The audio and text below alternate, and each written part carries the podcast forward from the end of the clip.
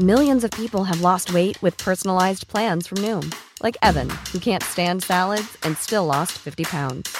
Salads, generally, for most people, are the easy button, right? For me, that wasn't an option.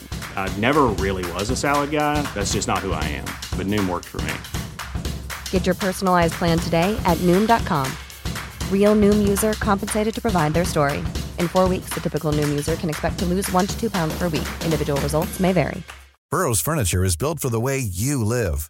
From ensuring easy assembly and disassembly to honoring highly requested new colors for their award-winning seating, they always have their customers in mind. Their modular seating is made out of durable materials to last and grow with you. And with Burrow, you always get fast, free shipping. Get up to 60% off during Burrow's Memorial Day sale at burrow.com slash ACAST. That's burrow.com slash ACAST. burrow.com slash ACAST.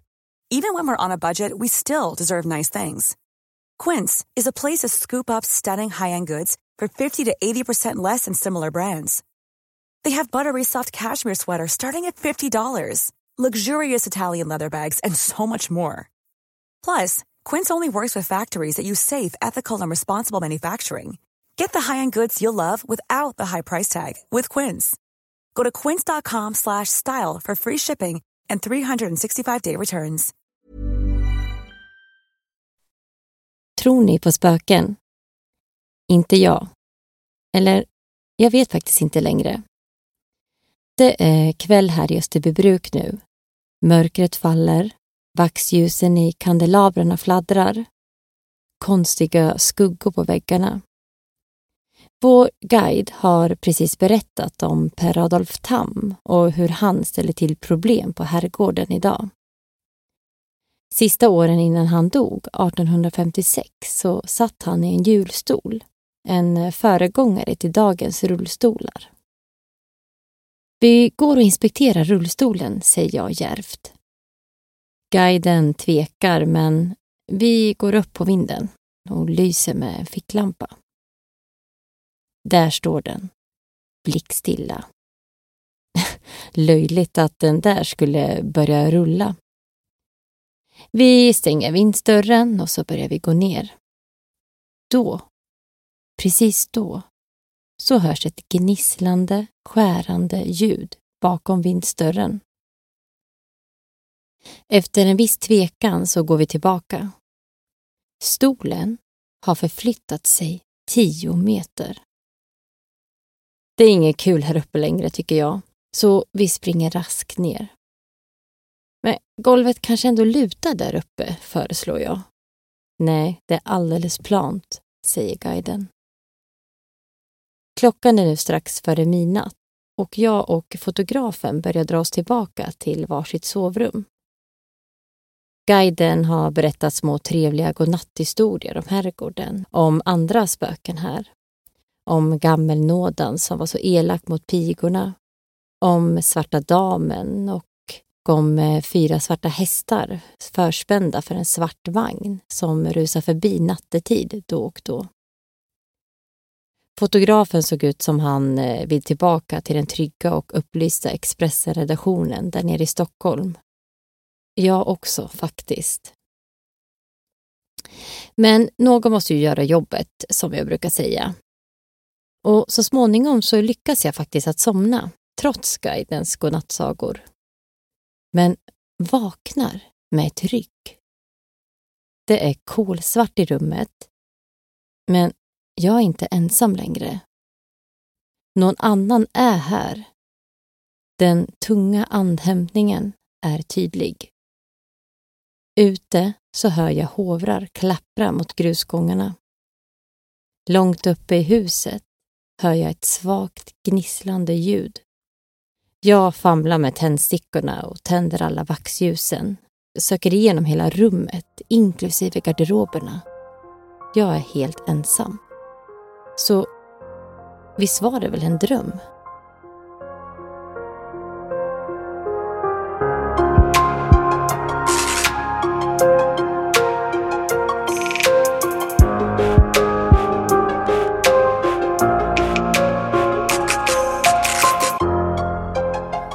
Då var vi inne i oktober och det här är ju våran spökmånad här för söndagsmysteriet.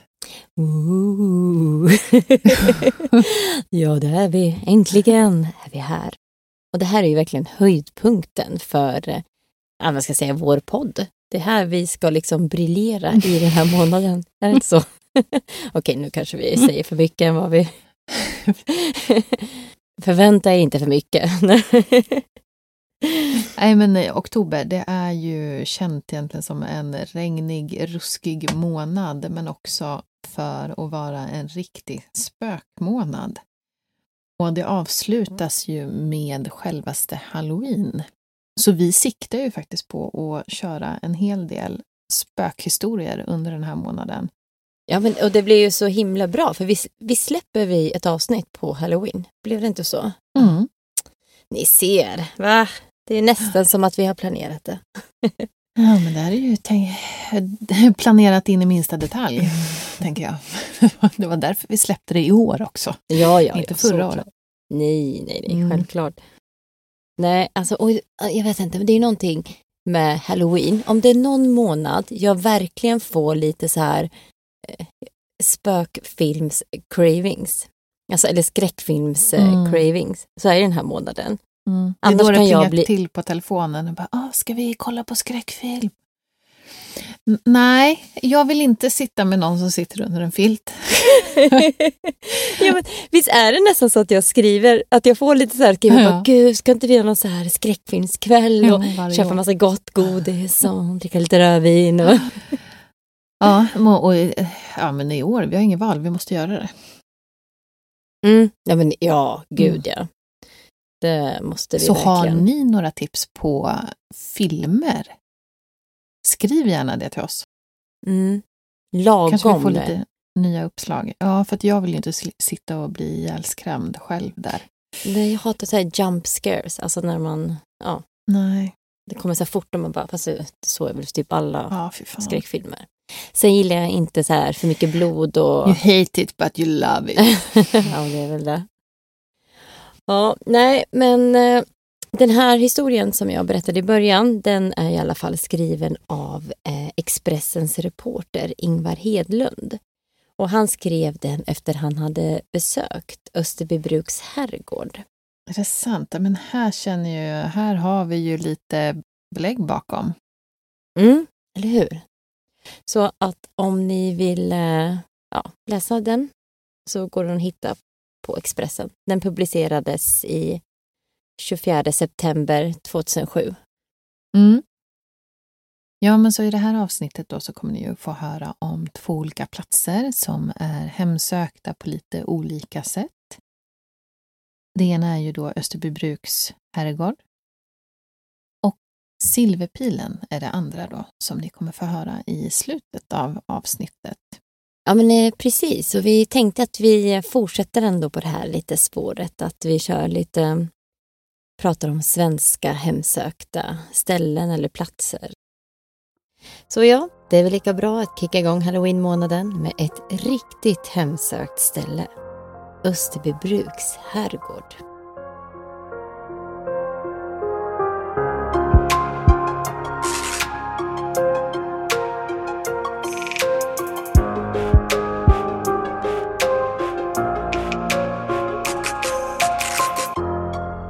I norra Roslagen, ungefär mittemellan Uppsala och Östhammar, så hittar man den lilla tätorten Österbybruk. Österbybruk är känt för att vara ett gammalt vallonbruk och kanske ännu mer känt för att här finns den enda bevarade vallonsmedjan i hela världen. Redan på 1400-talet så drevs järnhandeln här på Österby för att i närheten så fanns det flera små malmgruvor.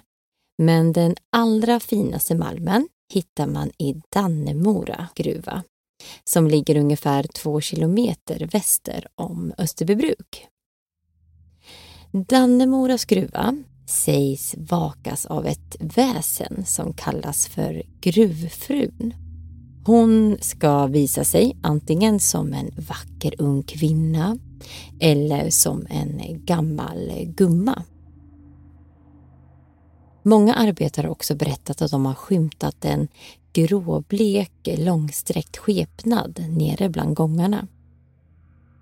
Flera vittnar också om att eh, de har blivit varnade innan en olycka och hur de då har hört en viskning i deras öra strax innan ett stort ras har störtat ner alldeles framför dem.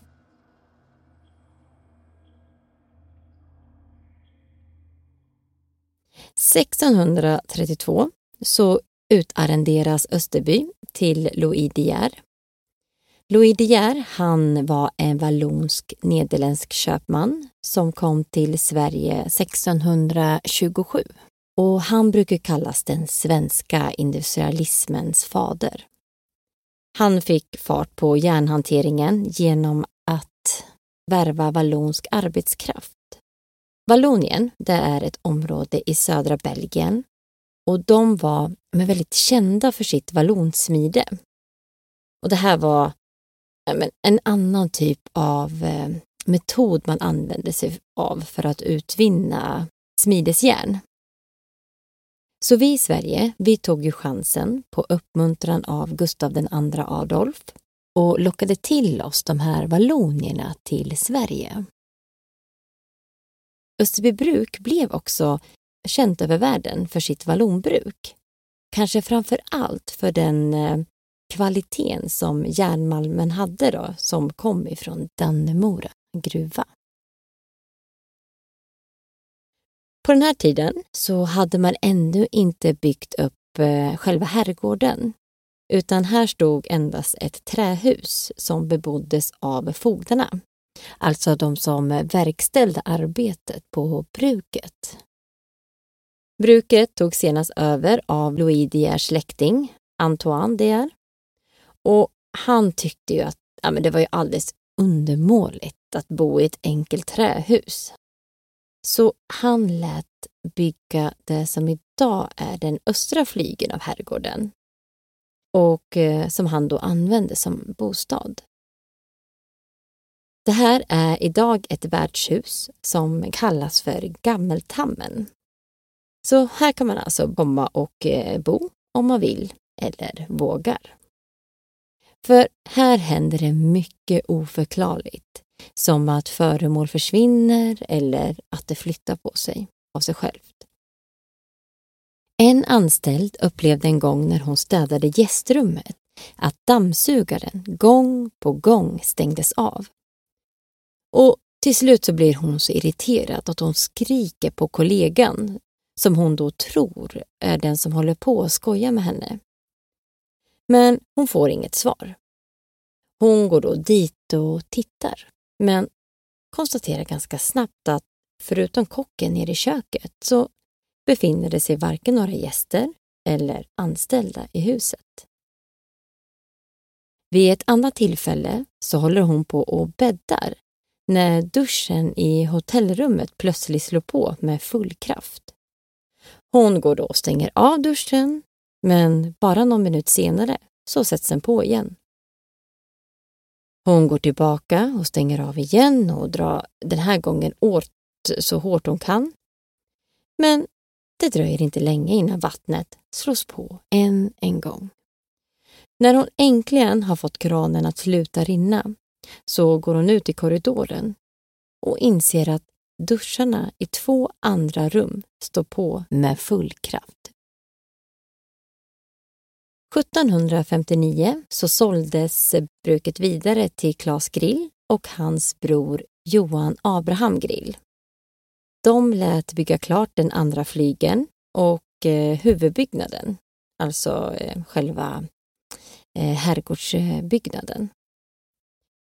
Claes Grill var en väldigt förmögen köpman och han var gift med en kvinna som hette Anna Johanna Grill.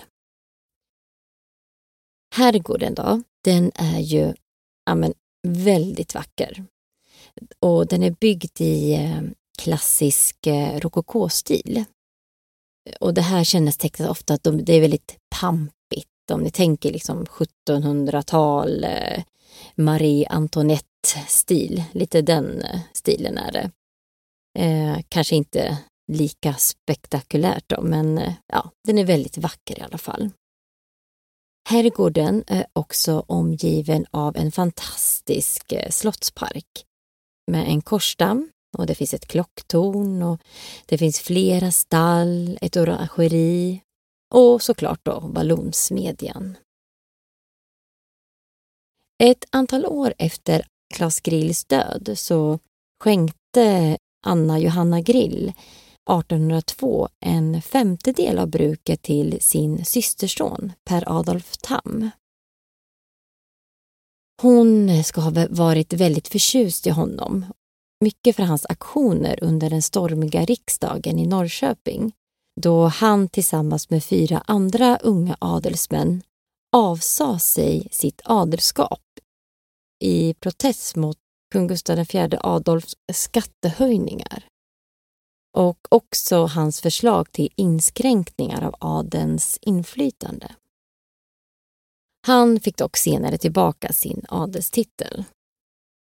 1823 så tog han över hela bruket och blev kanske den mest kända ägaren av Österbybruk. Han kallades senare också för Gammeltammen, som alltså har gett namn till det värdshus som jag berättade om tidigare, som eh, bedrivs i den östra flygeln. Per Adolf Tam föddes 1774 och dog 1856. Han gifte sig 1802 med sin kusin Anna Margareta Grill. Hon avled dock kort efteråt i vad man tror var sviterna av ett missfall. 1804 gifte han sig med Johanna Charlotta Ehrenbill som även blir mor till hans barn.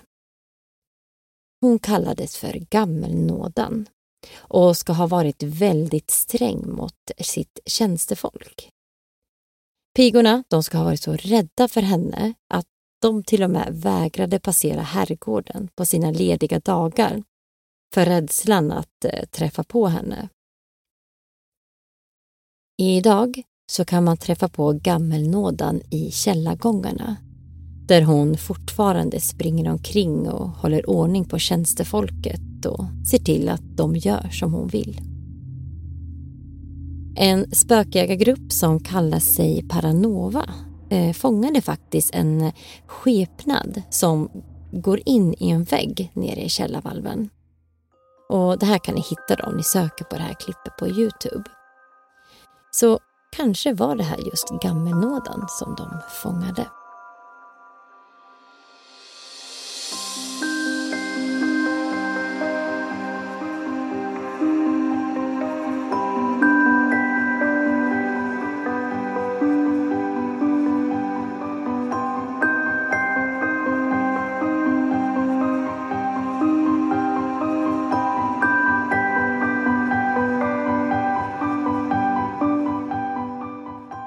Per Adolf Tam, han ska också ha varit en festglad herre och anordnade inte bara egna fester utan besökte gärna Stockholm och deltog i huvudstadens festliga tillställningar. Under ett av sina besök så ska han ha förälskat sig i sångerskan Jenny Lind. Och han bjöd också senare in henne för att underhålla på Österbybruks herrgård. Som ackompanjemang till Jenny Linds vackra sång så köpte han den flygel som idag står i den blå salongen. Jenny Lind återvände flera gånger till herrgården och eh, faktum är att hon sägs göra det än idag. Flera vittnar om att de hör musik spelas ifrån flygeln. Men så fort man tittar in eller öppnar dörren så blir det helt tyst. Och såklart helt tomt i salongen. På ålderns höst så fick Per Adolf Tam allt svårare att gå. Han lät då tillverka en hjulstol. Och det här är ju ja, men en slags rullstol då, som skulle underlätta vardagen för honom. Vid hans bortgång så ställdes hjulstolen upp på vinden men tjänstefolket klagade ofta över att den här rullstolen rörde på sig. Pigorna som ofta hängde tvätt på vinden vägrade till slut att gå upp där så länge den här julstolen stod kvar. Idag står julstolen i Gula salongen men den flyttar fortfarande på sig.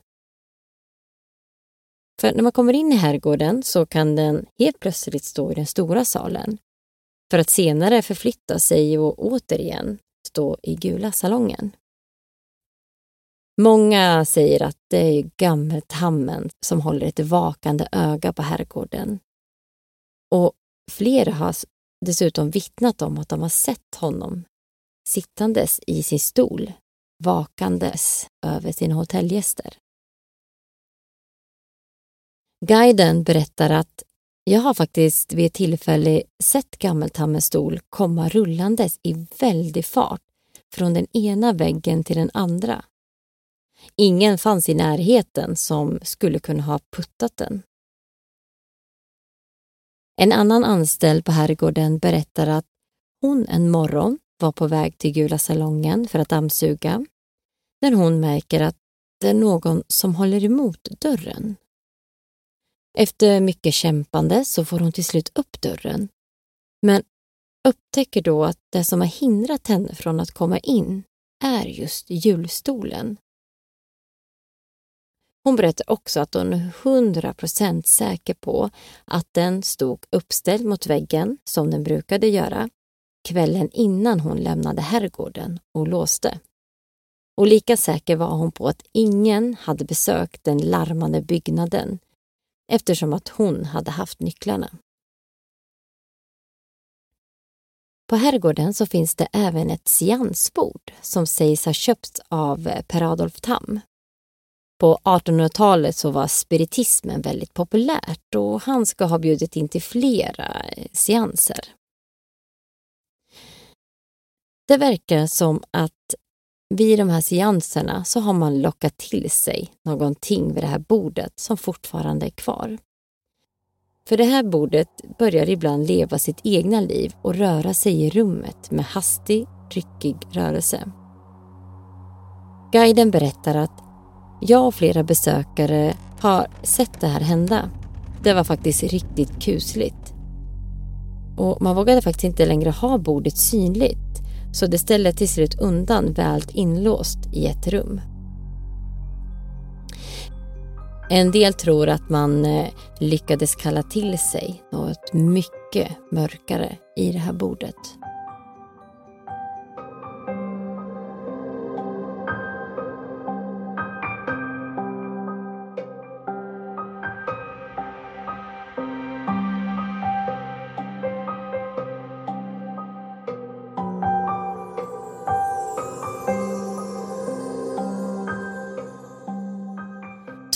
Kvinnoskepnader ska också visa sig på herrgården. En svart och en, ja, kan ni gissa? En vit såklart.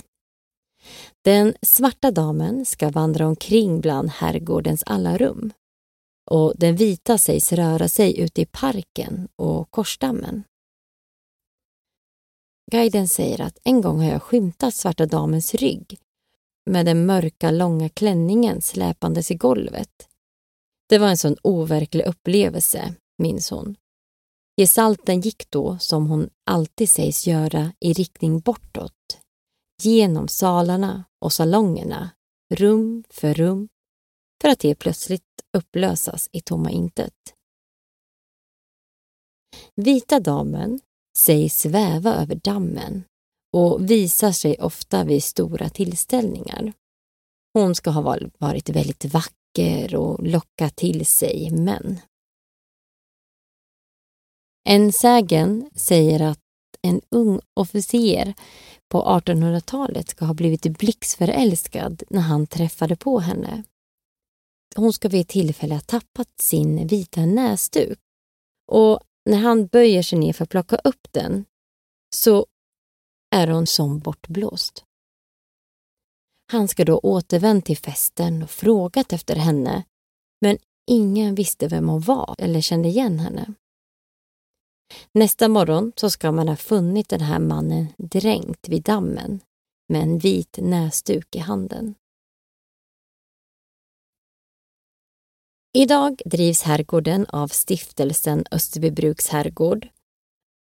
Och att man inte är ensam på den här herrgården blir bara mer och mer tydligt.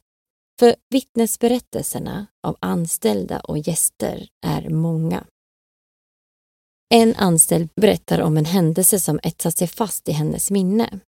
Det var när hon kommer in på bottenvåningens kökskorridor där en lång rad med galgar hänger utanför toaletterna. Hon är just på väg förbi när hon ser hur det börjar gunga häftigt, som att en osynlig hand hade dragit igenom dem. Det fanns inga vinddrag eller någonting som skulle kunna ha gjort att de här skulle kunna röra sig. Vid ett annat tillfälle berättar hon om hur hon är på övervåningen och så ser hon sin kollega stå i städskrubben. Hon ser tydligt hur hon står där med sina svarta arbetskläder men lägger inte så mycket uppmärksamhet i det här mer än att hon noterar det. Hon går sedan ner för trappan och möter då hennes kollega i trappan. Hon blir ju helt chockad och bara, men alltså var inte du precis på övervåningen? Och kollegan står ju där helt oförstående och bara, men nej, det var jag inte. De går då upp och tittar, tittar igenom övervåningen och i städskrubben, men det är helt tomt.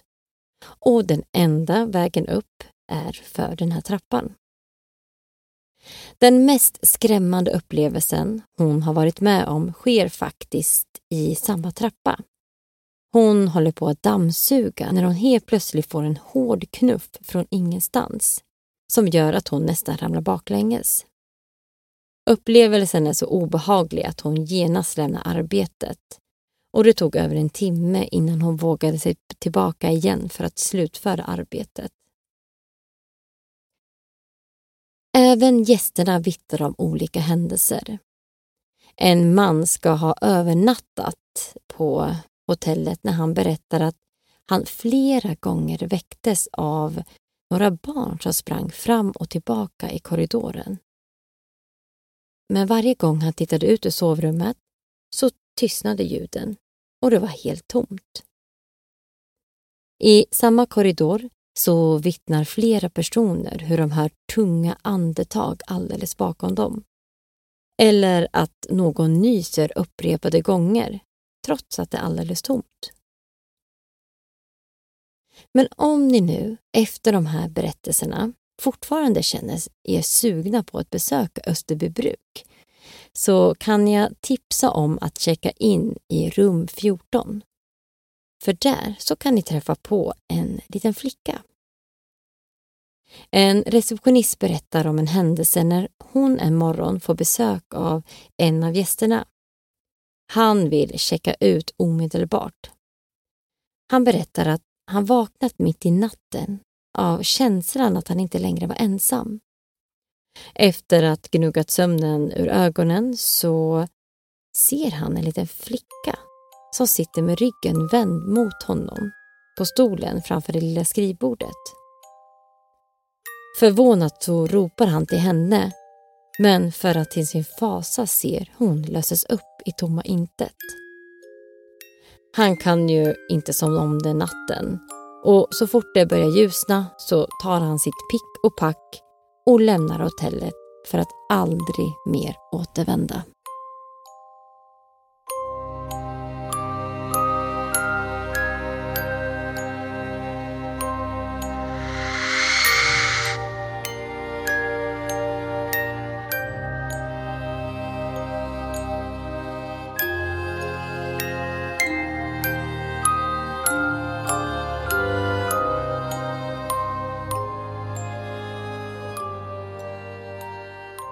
Det där var ett spökigt ställe. Det var, ja men det är ju, det kanske är nog det mest spökiga stället jag har läst om. alltså i Sverige. ja, men med så mycket, ja jag tänker det med så mycket vittnesberättelser. Det är ju rätt ovanligt. Mm. Väldigt ovanligt och Ja. ja, men det fanns väldigt mycket på nätet och folk som hade skrivit eller, ja, och hade blivit intervjuade. Mm. Jag tycker det är ja, nästan det... Oh. Jag, jag fick ju rysningar bara när man hörde den här första historien om eh, ja, men Ingvar som var och besökte vinden med den där guiden då, och så rullstolen som flyttade på sig. Ja, oh, eller hur? Alltså jag tycker det är så obehagligt när föremål ja, men bara dyker upp på andra ställen helt plötsligt eller att man faktiskt ser dem röra mm. på sig. Ja, oh, fy fan, den där jävla julstolen. Hur, hur, kan folk jobba kvar, känner jag? Sluta. Ja, nej, men det var min tanke också. Hur? Varför gick hon tillbaka en timme ja. senare liksom, efter att hon hade fått en knuff? Bara, ja, och då tack. berättar hon historien som att oh, det tog en hel timme för mig att våga mig tillbaka. Bara, va? Jag hade inte kommit tillbaka alls tror jag på riktigt. Mejlat en avsked. Åh fy! Och jag menar okej okay, om man då, om det, Jag hade blivit så om jag hade sett alltså, en dörr som kanske öppnades eller någonting. För då kanske man, ah, men det kanske inte var så. Men att bli knuffad mm. hårt. Jag menar det känner man ju. Då är det ju men särskilt när man har varit med om eh, andra saker innan också. Då blir det liksom som att till slut rinner bägaren över och man känner så här, men nu får det fan vara nog. Och blir man knuffad, då tänker jag, då måste man ju känna sig så ovälkommen där. Mm. Tänker, okej, okay, det som nu är här gillar uppenbarligen inte mig, så att, ja, men okej, okay, jag kanske ska dra. Mm. Hitta något annat. Ja, precis. Ja, det är, usch. Och sen... Eh, men, tammen alltså. Tammen, ja. Han, eh, han är kvar där och ja, det är ju ja, det är någonting med de där rullstolarna också, eller hjulstolen som man har. Mm. Den är ganska fin faktiskt. Jag ska lägga upp en bild på den. Mm. Ja, men det borde vi göra. Jag har ju sett eh, herrgården i sig, den är ju, oh, vilken dröm. Mm. alltså den ser ut som en bakelse nästan. En jättefin herrgård. Mm. Ja men den är otroligt fin. Alltså den är verkligen... Borde, eh, alltså, jag tänkte säga vi borde åka dit, men jag vet inte om jag vill. Fast alltså, det, jag vet inte om det är liksom lite oktober-mode som kommer här, men jag blev också lite sugen på att åka dit. Jag som mm. typ inte vill åka till några sådana här ställen. Nej. Men jag vet inte. För det fanns så mycket mer där. Jag hade mm. så himla gärna velat se den här smedjan och... Eh, det här seansbordet blev jag oh. sugen på. Mm. Ja, exakt. Det här stället var ju också med i eh, Spökjakt, det här som Jocke och, eh, mm. Jocke och Jonna Lundell har då tillsammans med LaxTon Ghost. Då sitter de vid det här seansbordet och så har de lagt ett eh, Ouija-bord på. Ja, men fy fan. vem, vem som nu gör det. Ja. Eh, och så säger han, Jocke då att han eh, liksom försöker frammana den här, eh, en, en fråga om det är en demon mm. där. Ja men gud, och vad är det för fråga? Ja, jag, ja, jag vet inte. eh, och, men så fort han säger då demon så börjar ljudet eh, för de här ljudteknikerna och liksom eh, spraka. Mm. Så att det blir liksom störningar i ljudet och kameran börjar så här flickra, vad säger man? Mm. Alltså själva bilden liksom börjar... Run Forest, run! Ja, precis när han säger det. Och sen så använder de någon sån här... Eh, eh, jag vet inte, det heter någonting i alla fall. Som de eh, kan höra eh, andra prata igenom typ. Och så säger, eh, får de fram ett ord som är vinden och då går de upp eh, på vinden. Mm. Och så börjar de där också, så börjar han ropa efter demoner. Och så fort han säger demoner så börjar, jag tror det är producentens, hans nä, han får näsblod. alltså liksom, han blir, Ja, så fort han säger det. Och, och så sätter de på den här apparaten igen som ska kunna ha andra ja. som pratar. Um, och, och det är så läskiga skrik. Det är typ så högfrekventa ja, kvinnoskrik mm. alltså, som man hör igenom de här. Och och så säger han demon igen och så börjar han få en näsblod igen, den här producenten. Och sen så De bara något... sluta fucka med oss. Ja, ja verkligen. Och sen så är det något, eh, något fönster som bara ramlar och går sönder. Och, äh, men, usch, det mm. finns lite att titta på alltså, helt enkelt. Ja, vi borde se det avsnittet. Mm. Det, var väldigt, det hände väldigt mycket. Mm.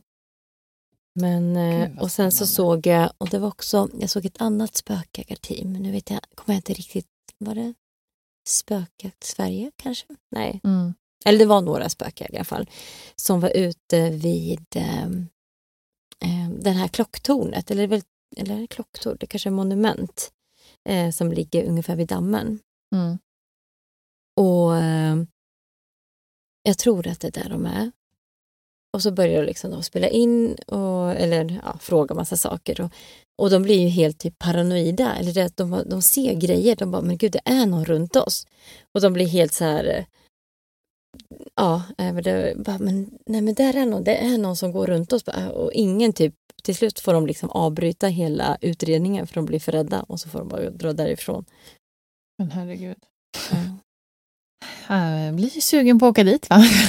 Ja, så att, eh, och det här kan ni också söka på, ja, men sök bara Österbybruks, eh, Österbybruks spökjakt på Youtube så kommer alla de här eh, spökjakterna upp då. Ja men ja, vi kanske ska, bara ska boka och åka dit helt enkelt. Ja, jag vet inte. Vi får se. Jag känner mig ganska färdig med Österbybruk. Eller ska vi åka lite tunnelbana kanske? Exakt. Vi, vi tar oss istället till Stockholm och ni ska få höra om Silverfilen.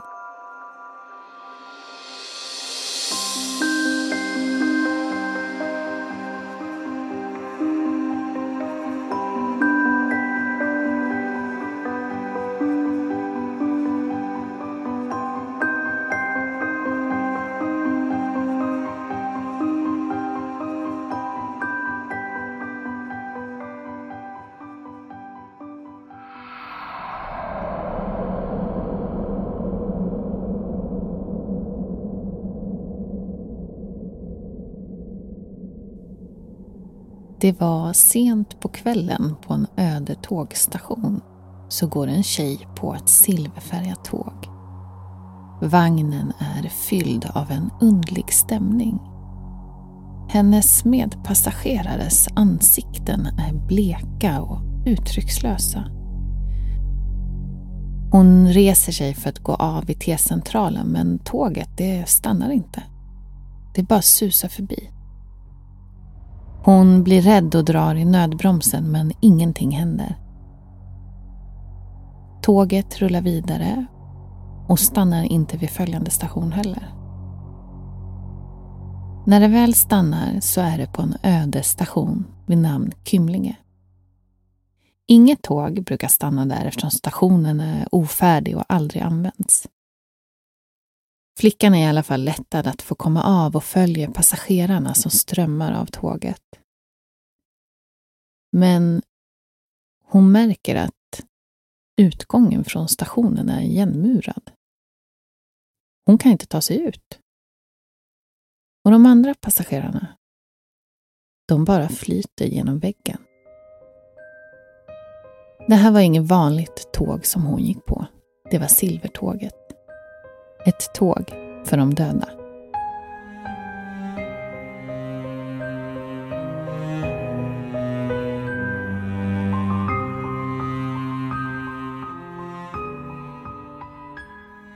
Så nu ska ni alltså få höra om Silverpilen och Kymlinge station. Det här är ju tunnelbanestationen som inte finns på kartan. Mellan Hallonbergens och Kista tunnelbanestationer så finns en tredje, Kymlinge, som få har varit på. Dess svarta plattformar skymtar till några sekunder men är inte lätt att få syn på bakom de upplysta tågfönstrens spegelbilder. Här skulle tusentals människor gått av i en av de intetsägande miljonprogrammen. Ett som till kanske all lycka inte blev av. Kvar här blev istället en halvfärdig tunnelbanestation. En handfull med skrönor och ett omtyckt fotoobjekt för en nyfikne. Det är här det silvriga spöktåget går.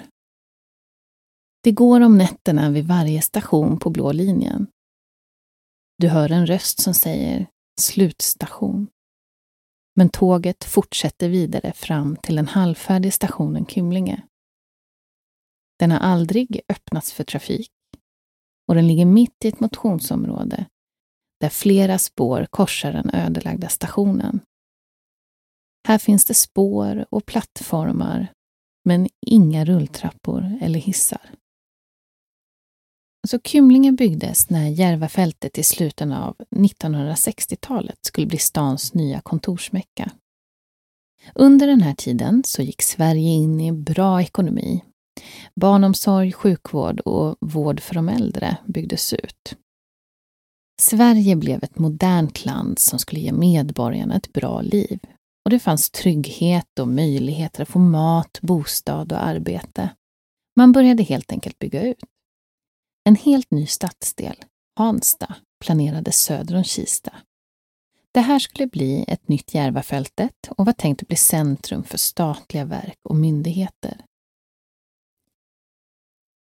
Namnet kom efter gården Kymlinge som egentligen var två olika gårdar. Uppgården och Nedergården. Eller Övre och Nedre Kymlinge. Än idag finns Övre Kymlinge kvar, hopträngt mot bullerplanket in till E18, men med många av ekonomibyggnaderna så gör gården nu tjänst som klubblokal för Stockholms brukshundsklubb. Det har sagts att själva namnet Kymlinge skulle härstamma från ordet kummel, alltså gravröse, och att Kymlinge då betyder gården bland gravarna. Vilket oavsett då kanske är bokstavligen sant.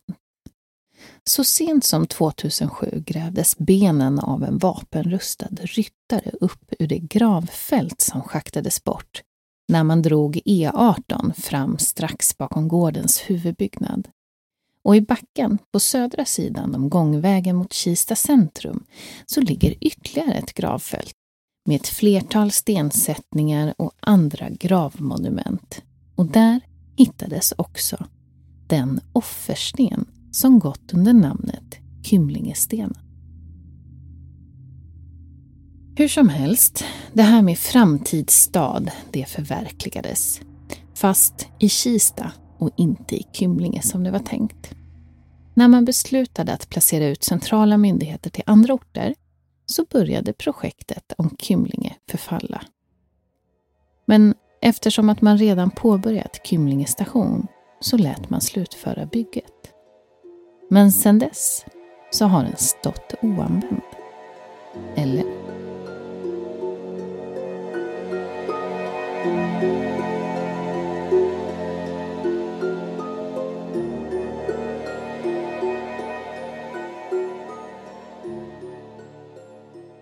Genom alla år så har det ju frodats olika historier kring vad som har skett på Kymlinge station och det tåg som också färdas här.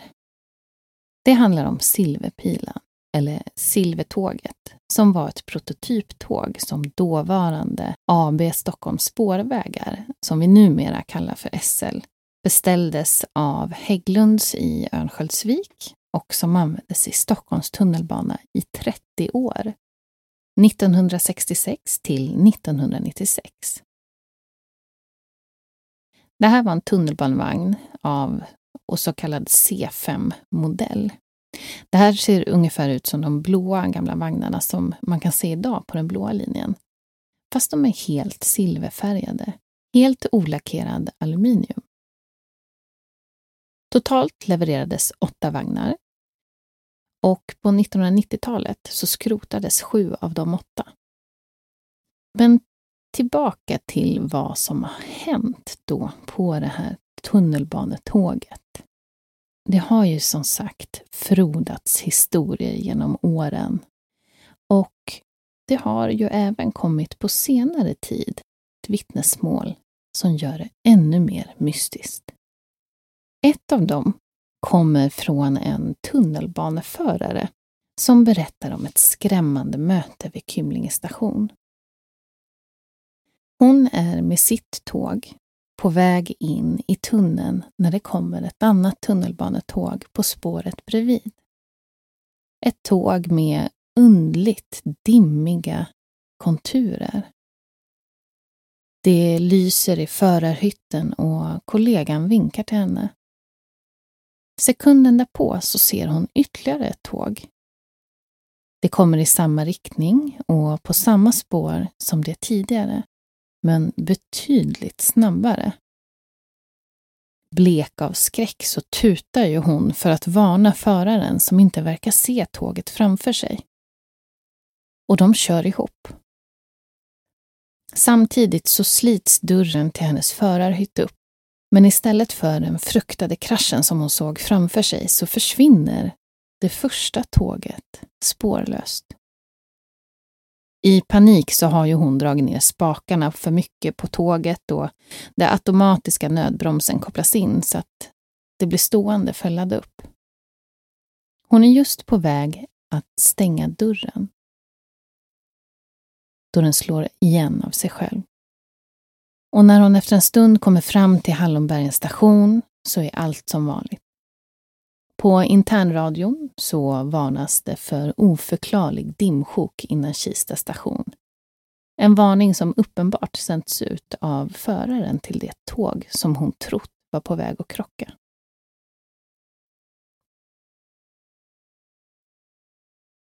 En annan historia som kommer från en kvinna är hur hon promenerar på Järvafältet rätt under broarna vid Kymlinge station när hon ser ett gammaldags tunnelbanetåg sakta komma körande. Förarhytten verkar tom och tåget stannar vid den halvfärdiga perrongen för att släppa av passagerarna. I tron att föraren blivit kanske akut sjuk så springer hon upp mot dörren i stängslet och möter flera personer, vilka däremot inte alls verkar lägga märke till henne. Deras närvaro framkallar en stor olust i henne utan och hon kan inte förklara varför. Hon beskriver dem som overkliga. Som någonting som egentligen inte borde finnas där. När hon kommer upp för backen så ser hon att både tåget och dess övriga passagerare försvunnit. Helt ljudlöst. Och mysteriet blir inte mindre av att dörren in till stationen är låst och att de människor hon alldeles nyss sett komma ut, även de har gått upp i rök. En annan historia som florerar på flera ställen eh, om Silvertåget, så det här kanske är någon som har läst om. Men jag tänkte berätta den i alla fall, för den är ganska spännande. Jag kom in på perrongen precis när ett tåg gått i riktning mot Akalla och jag blev rätt sur över att ha missat tåget. Jag ville egentligen bara hem så fort som möjligt. Det var kväll och det var sent och ja, jag ville bara hem. Det är långt mellan avgångarna nattetid. Kvar på perrongen så var ju såklart bara jag och ett sovande fyllo. Efter ungefär 7 till 8 minuter så hörs ett märkligt väsande, nästan fräsande ljud inifrån den södra tunneln och jag hinner precis börja fundera över dess orsak. När jag märker att det kommer ut en slags dimma ur tunneln och fyller luften mellan spåret och taket framför mig och vidare i en spalt bort mot den norra tunneln. Efter ytterligare någon minut så rullar ett tåg in vars like jag aldrig kommer glömma. Att jag inte såg någon chaufför kan i och för sig härledas till dimman, men hur förklarar man att den nästan var ljudlöst? Inget kadunk, kadunk, kadunk från skenorna. Inga pysljud från kompressorerna. Ingenting utom just det dova fräsande ljud som jag tidigare hört från tunneln. Synen av tåget var genomskinligt, men det gav ett aningen transparent intryck. Det verkade också som att det var täckt av några centimeter tjockt lager is, trots att det var plusgrader ute. Sen kom det ett svagt vitt sken från vagnarnas övre delar som nästan såg ut att vara mer uppåtstrålande än åt sidorna. Och inget sken inifrån passagerarutrymmena där man bara vagt kunde ana att det fanns någon annan. När tåget fräsande försvann in i den norra tunneln låg fortfarande dimröken kvar på spåret. Och ungefär lika länge infann sig en isande kyla. En kyla som gick in i benmärgen och gav en känsla av Antarktis. Jag stod paralyserad kvar i minst fem minuter. När jag såg mig om var det fortfarande alkisen som var mitt enda sällskap på perrongen. En alkis som alldeles nyss var försjunken i djup fyllesömn. Nu satt med gapande mun och glodde in i väggen med uppspärrade ögon. När han noterade att jag iakttog honom sluddrade han högt. Gå aldrig på den tricken. Aldrig. Min polare gjorde det en gång och sedan dess har jag aldrig sett honom mer.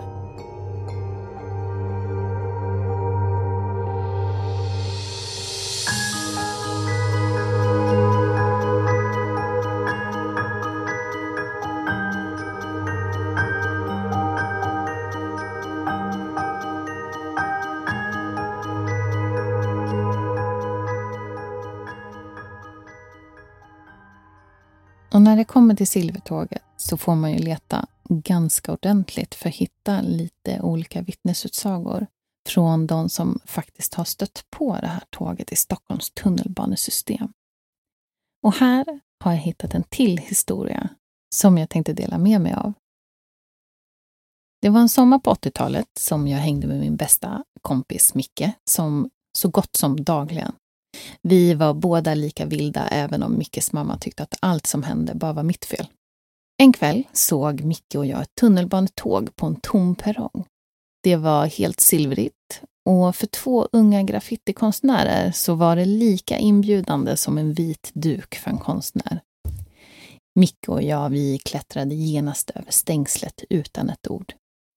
Jag satte mig på huk och började spraya och jag kommer ihåg att jag suckade högt när Micke tog en bild på mig. Så himla onödigt när jag inte var maskerad.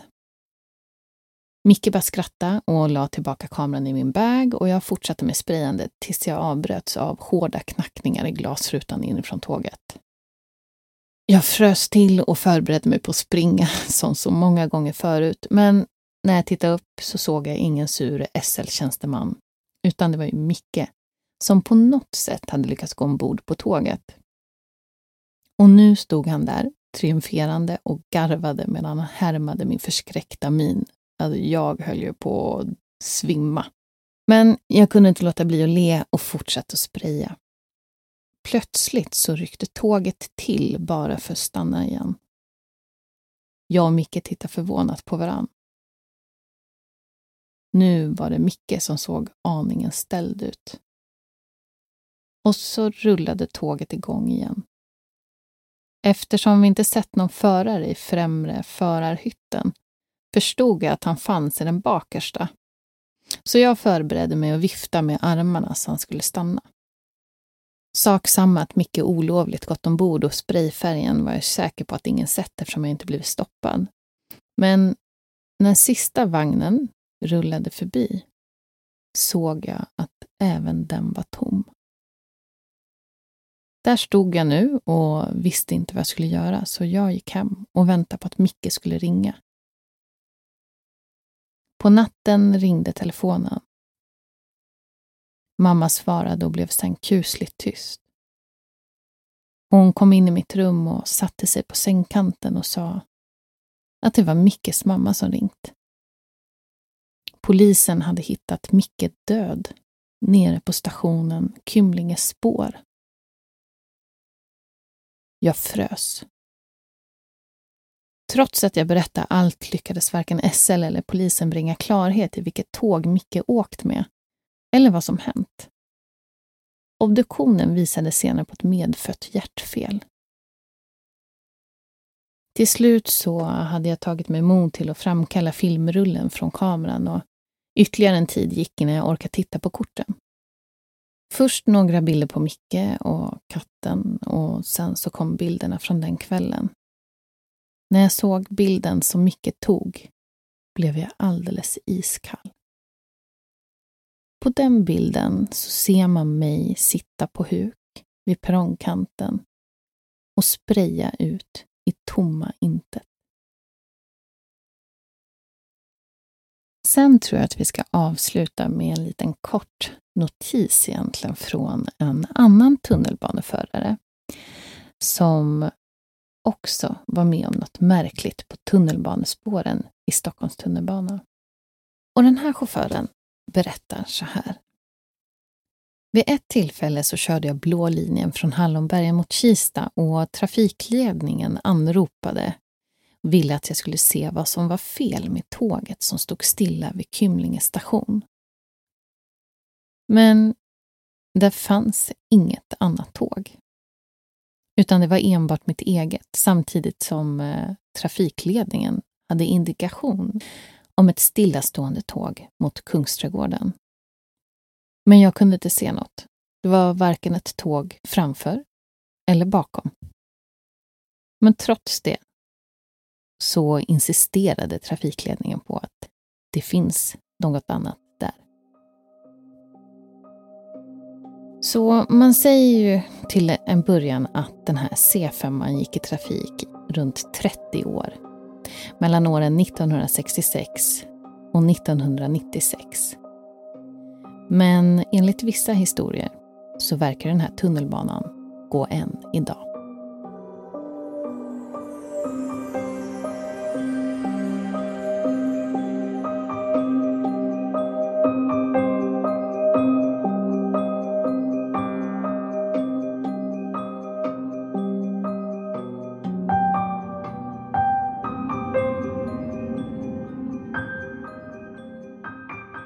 Herregud.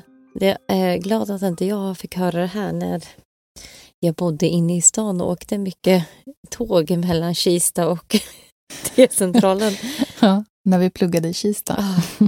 Och jobbade ute i Kista. Ja, jobbade i Kista. Gud, ja. Mm. Men jag måste ju säga att på vissa ställen i tunnelbanan så får man ju faktiskt en rätt obehaglig känsla. Men du, jag... Eller är det bara jag? Nej, men jag, jag tänkte på en annan sak. Ja. Uh, det, alltså dels är jag väldigt förvånad över att uh, jag hade faktiskt ingen aning om att Kymlinge, Kymlinge låg mellan Kista och Kallanbergen. Mm. Vilket är ju... Jag förstår ju att de byggde en station däremellan för det är en jävla lång sträcka. Alltså. Mm. Men har du inte tänkt på att du åker liksom, det blir ju mörkt. Man åker ju som genom en tunnel däremellan. Mm. Ja, det gör man. Nej, det har jag aldrig Nej. Nej, du ser, det är ju svårt att se genom de där rutorna. Men är det inte... Det är ju någonstans där det är lite radioskugga. Ja, Jag vet att folk har liksom sagt åh nej, här, man, tappar, man får typ ingen täckning Ja, emellan. det är där. Gud vad sjukt. Ja, Det måste ju vara där. det är där. där alltså man tappar allt där. Jag tycker det är, det är, ja, det är creepy där. Man kunde inte hoppa in tidigt i ett jobbmöte heller, för då tappar man ju kontakten där. Det var ju bara skrota. Om det är någon annan av er som lyssnar som har tänkt på det, skriv det då. Om det är välkänt att man gör det. Det kanske är en helt annan anledning, men Ja. lite creepy ändå. Nej, men det, det jag tycker är kul att man ändå hittar... Eh, visst kan det ju dyka upp berättelser på internet som kanske inte är sanna, men ja, jag gillar ju ändå när man får höra alltså personer ändå som har jobbat i tunnelbanan. Som känner av det här. Och det finns ju mycket historia, inte bara egentligen på Kymlinge station och kring det här silvertåget, utan att hela egentligen tunnelbanesystemet är eh, är rätt hemsökt. Men är, är det så? Nej, men jag kan tänka mig det. Du vet, det händer ju ganska mycket så olyckor och eh, tyvärr är det ju många som begår självmord. Alltså jag tänker att det måste finnas så mycket själar eh, där runt omkring som liksom ja, vandrar Mm. kvar. Åh, det är så obehagligt också. Tunnelbanan. Alltså att det spökar i tunnelbanan. Mm. Det är typ, ja. Tur att man inte åker där. Nej, eller princip. hur? Jag kände detsamma.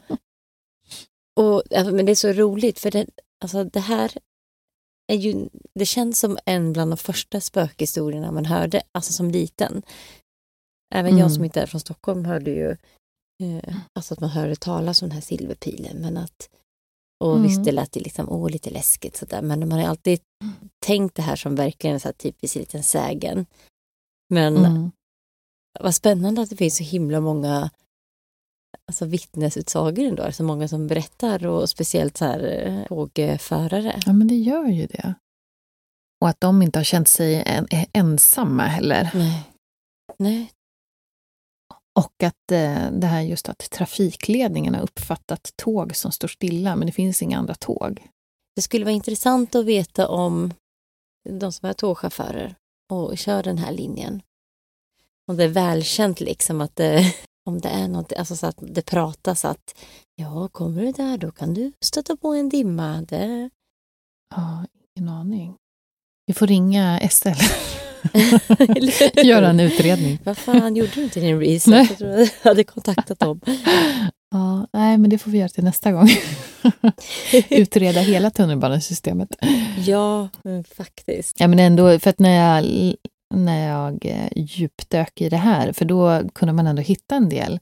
Och om man också ska koppla till det här hitchhiker-ämnet som vi nämnde i det här Skinwalker-avsnittet, så är det ganska mycket man kommer över när det gäller tunnelbanesystemet i Stockholm. Mm. Att det Mm. finns många människor som känner att ja, men de har ju fått med sig någon hem från tunnelbanan. Nej men är det sant? Ja. Så helt plötsligt börjar hända saker hemma i deras lägenhet och de känner sig konstiga och känner sig iakttagna. Och, och de har fått den känslan från tunnelbanan. Eh, jag läste någon som hade sett en, jag vet inte om det var en pojke i tunnelbanan eh, och reagerat på det. Och sen så, bara natten som följer, så har den här pojken stått i hennes lägenhet. Nej men gud. Ah, fy fan. Vad obehagligt. Jag orkar inte. Nej, jag vet. Ja, hemskt. Men då har jag ju fått med, alltså fått med sig något hem från tunnelbanan. Mm. Mm. Jag kommer aldrig mer åka tunnelbana. Nej men alltså jag, på riktigt så känner jag, jag typ det just nu. Ja. Ja, men, och, ja, nej men precis. Vi har ju kommit över den där perioden när man åkte sent hem ifrån. ja, det är inte ofta, verkligen. Nej, det är inte ofta och då tar man ofta en taxi nu för tiden. För det är så pass sällan. Det kan man unna sig. Ja, men det är fan lika bra Men- att göra. Gör det allihopa, slipper ni liksom Ja. släppa ner något från, från tunnelbanan. Usch. Ja men alltså hur många gånger har man inte stått någonstans och varit i princip själv på en perrong? Ja, men det har man ju gjort flera gånger. Alltså hade jag fått höra det här avsnittet innan då hade jag ju varit... Oj, gud. nu försvann du. Försvann jag? Ja, jag hörde inte dig vad du sa. Ja, hitchhiker. Jä- Mm. Jävlar.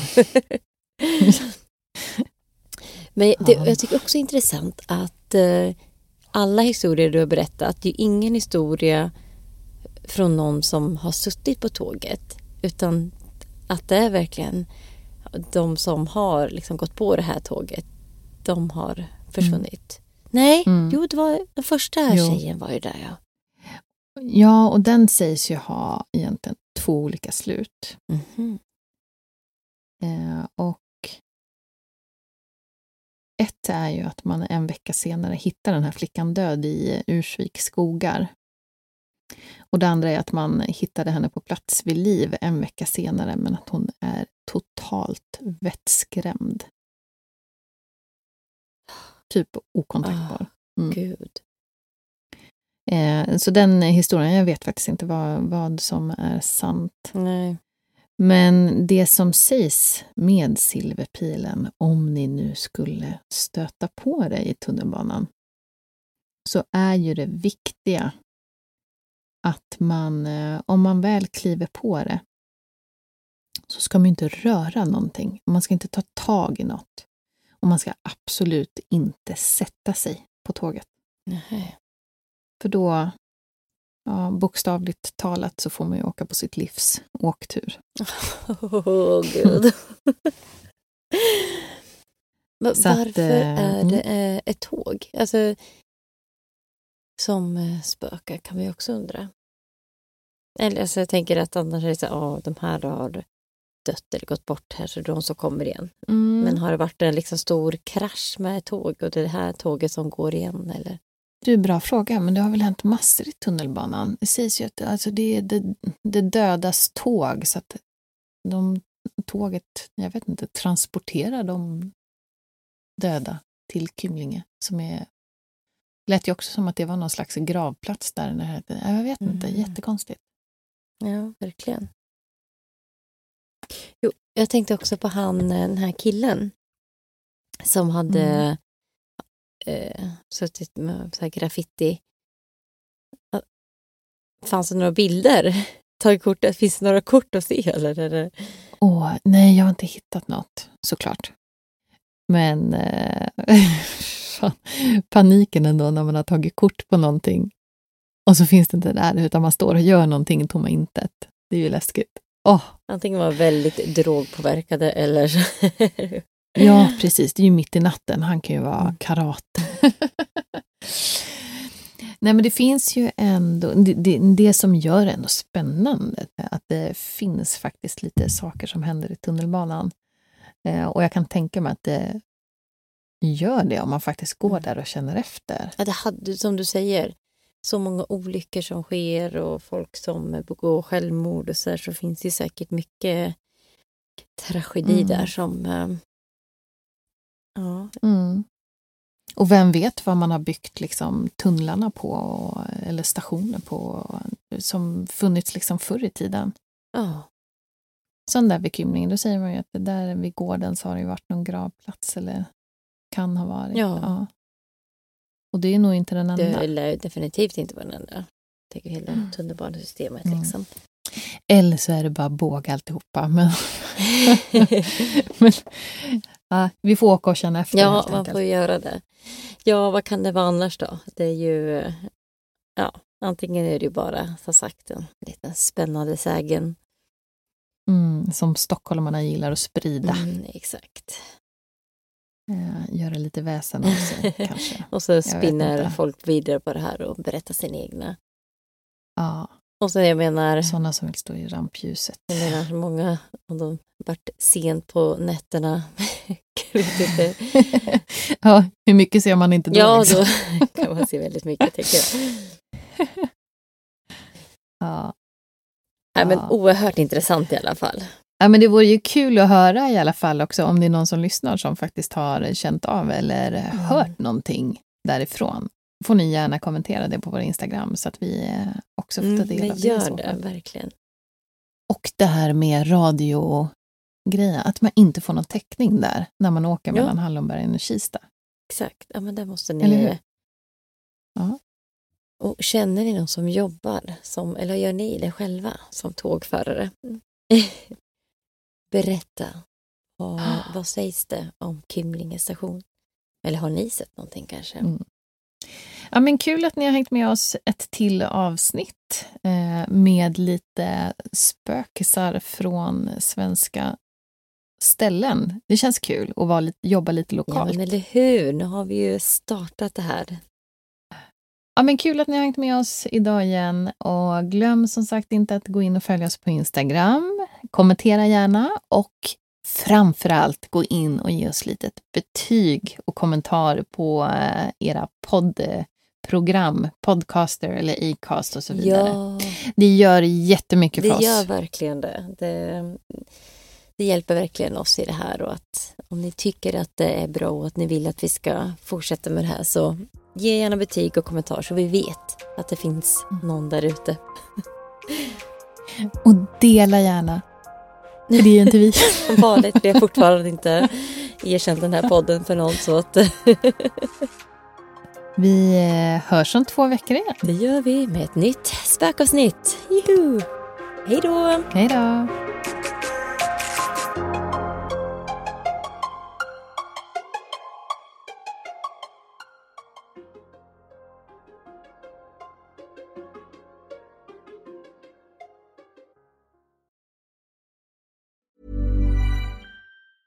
Hey, it's Danny Pellegrino from Everything Iconic. Ready to upgrade your style game without blowing your budget? Check out Quince. They've got all the good stuff shirts and polos, activewear, and fine leather goods, all at 50 to 80% less than other high end brands.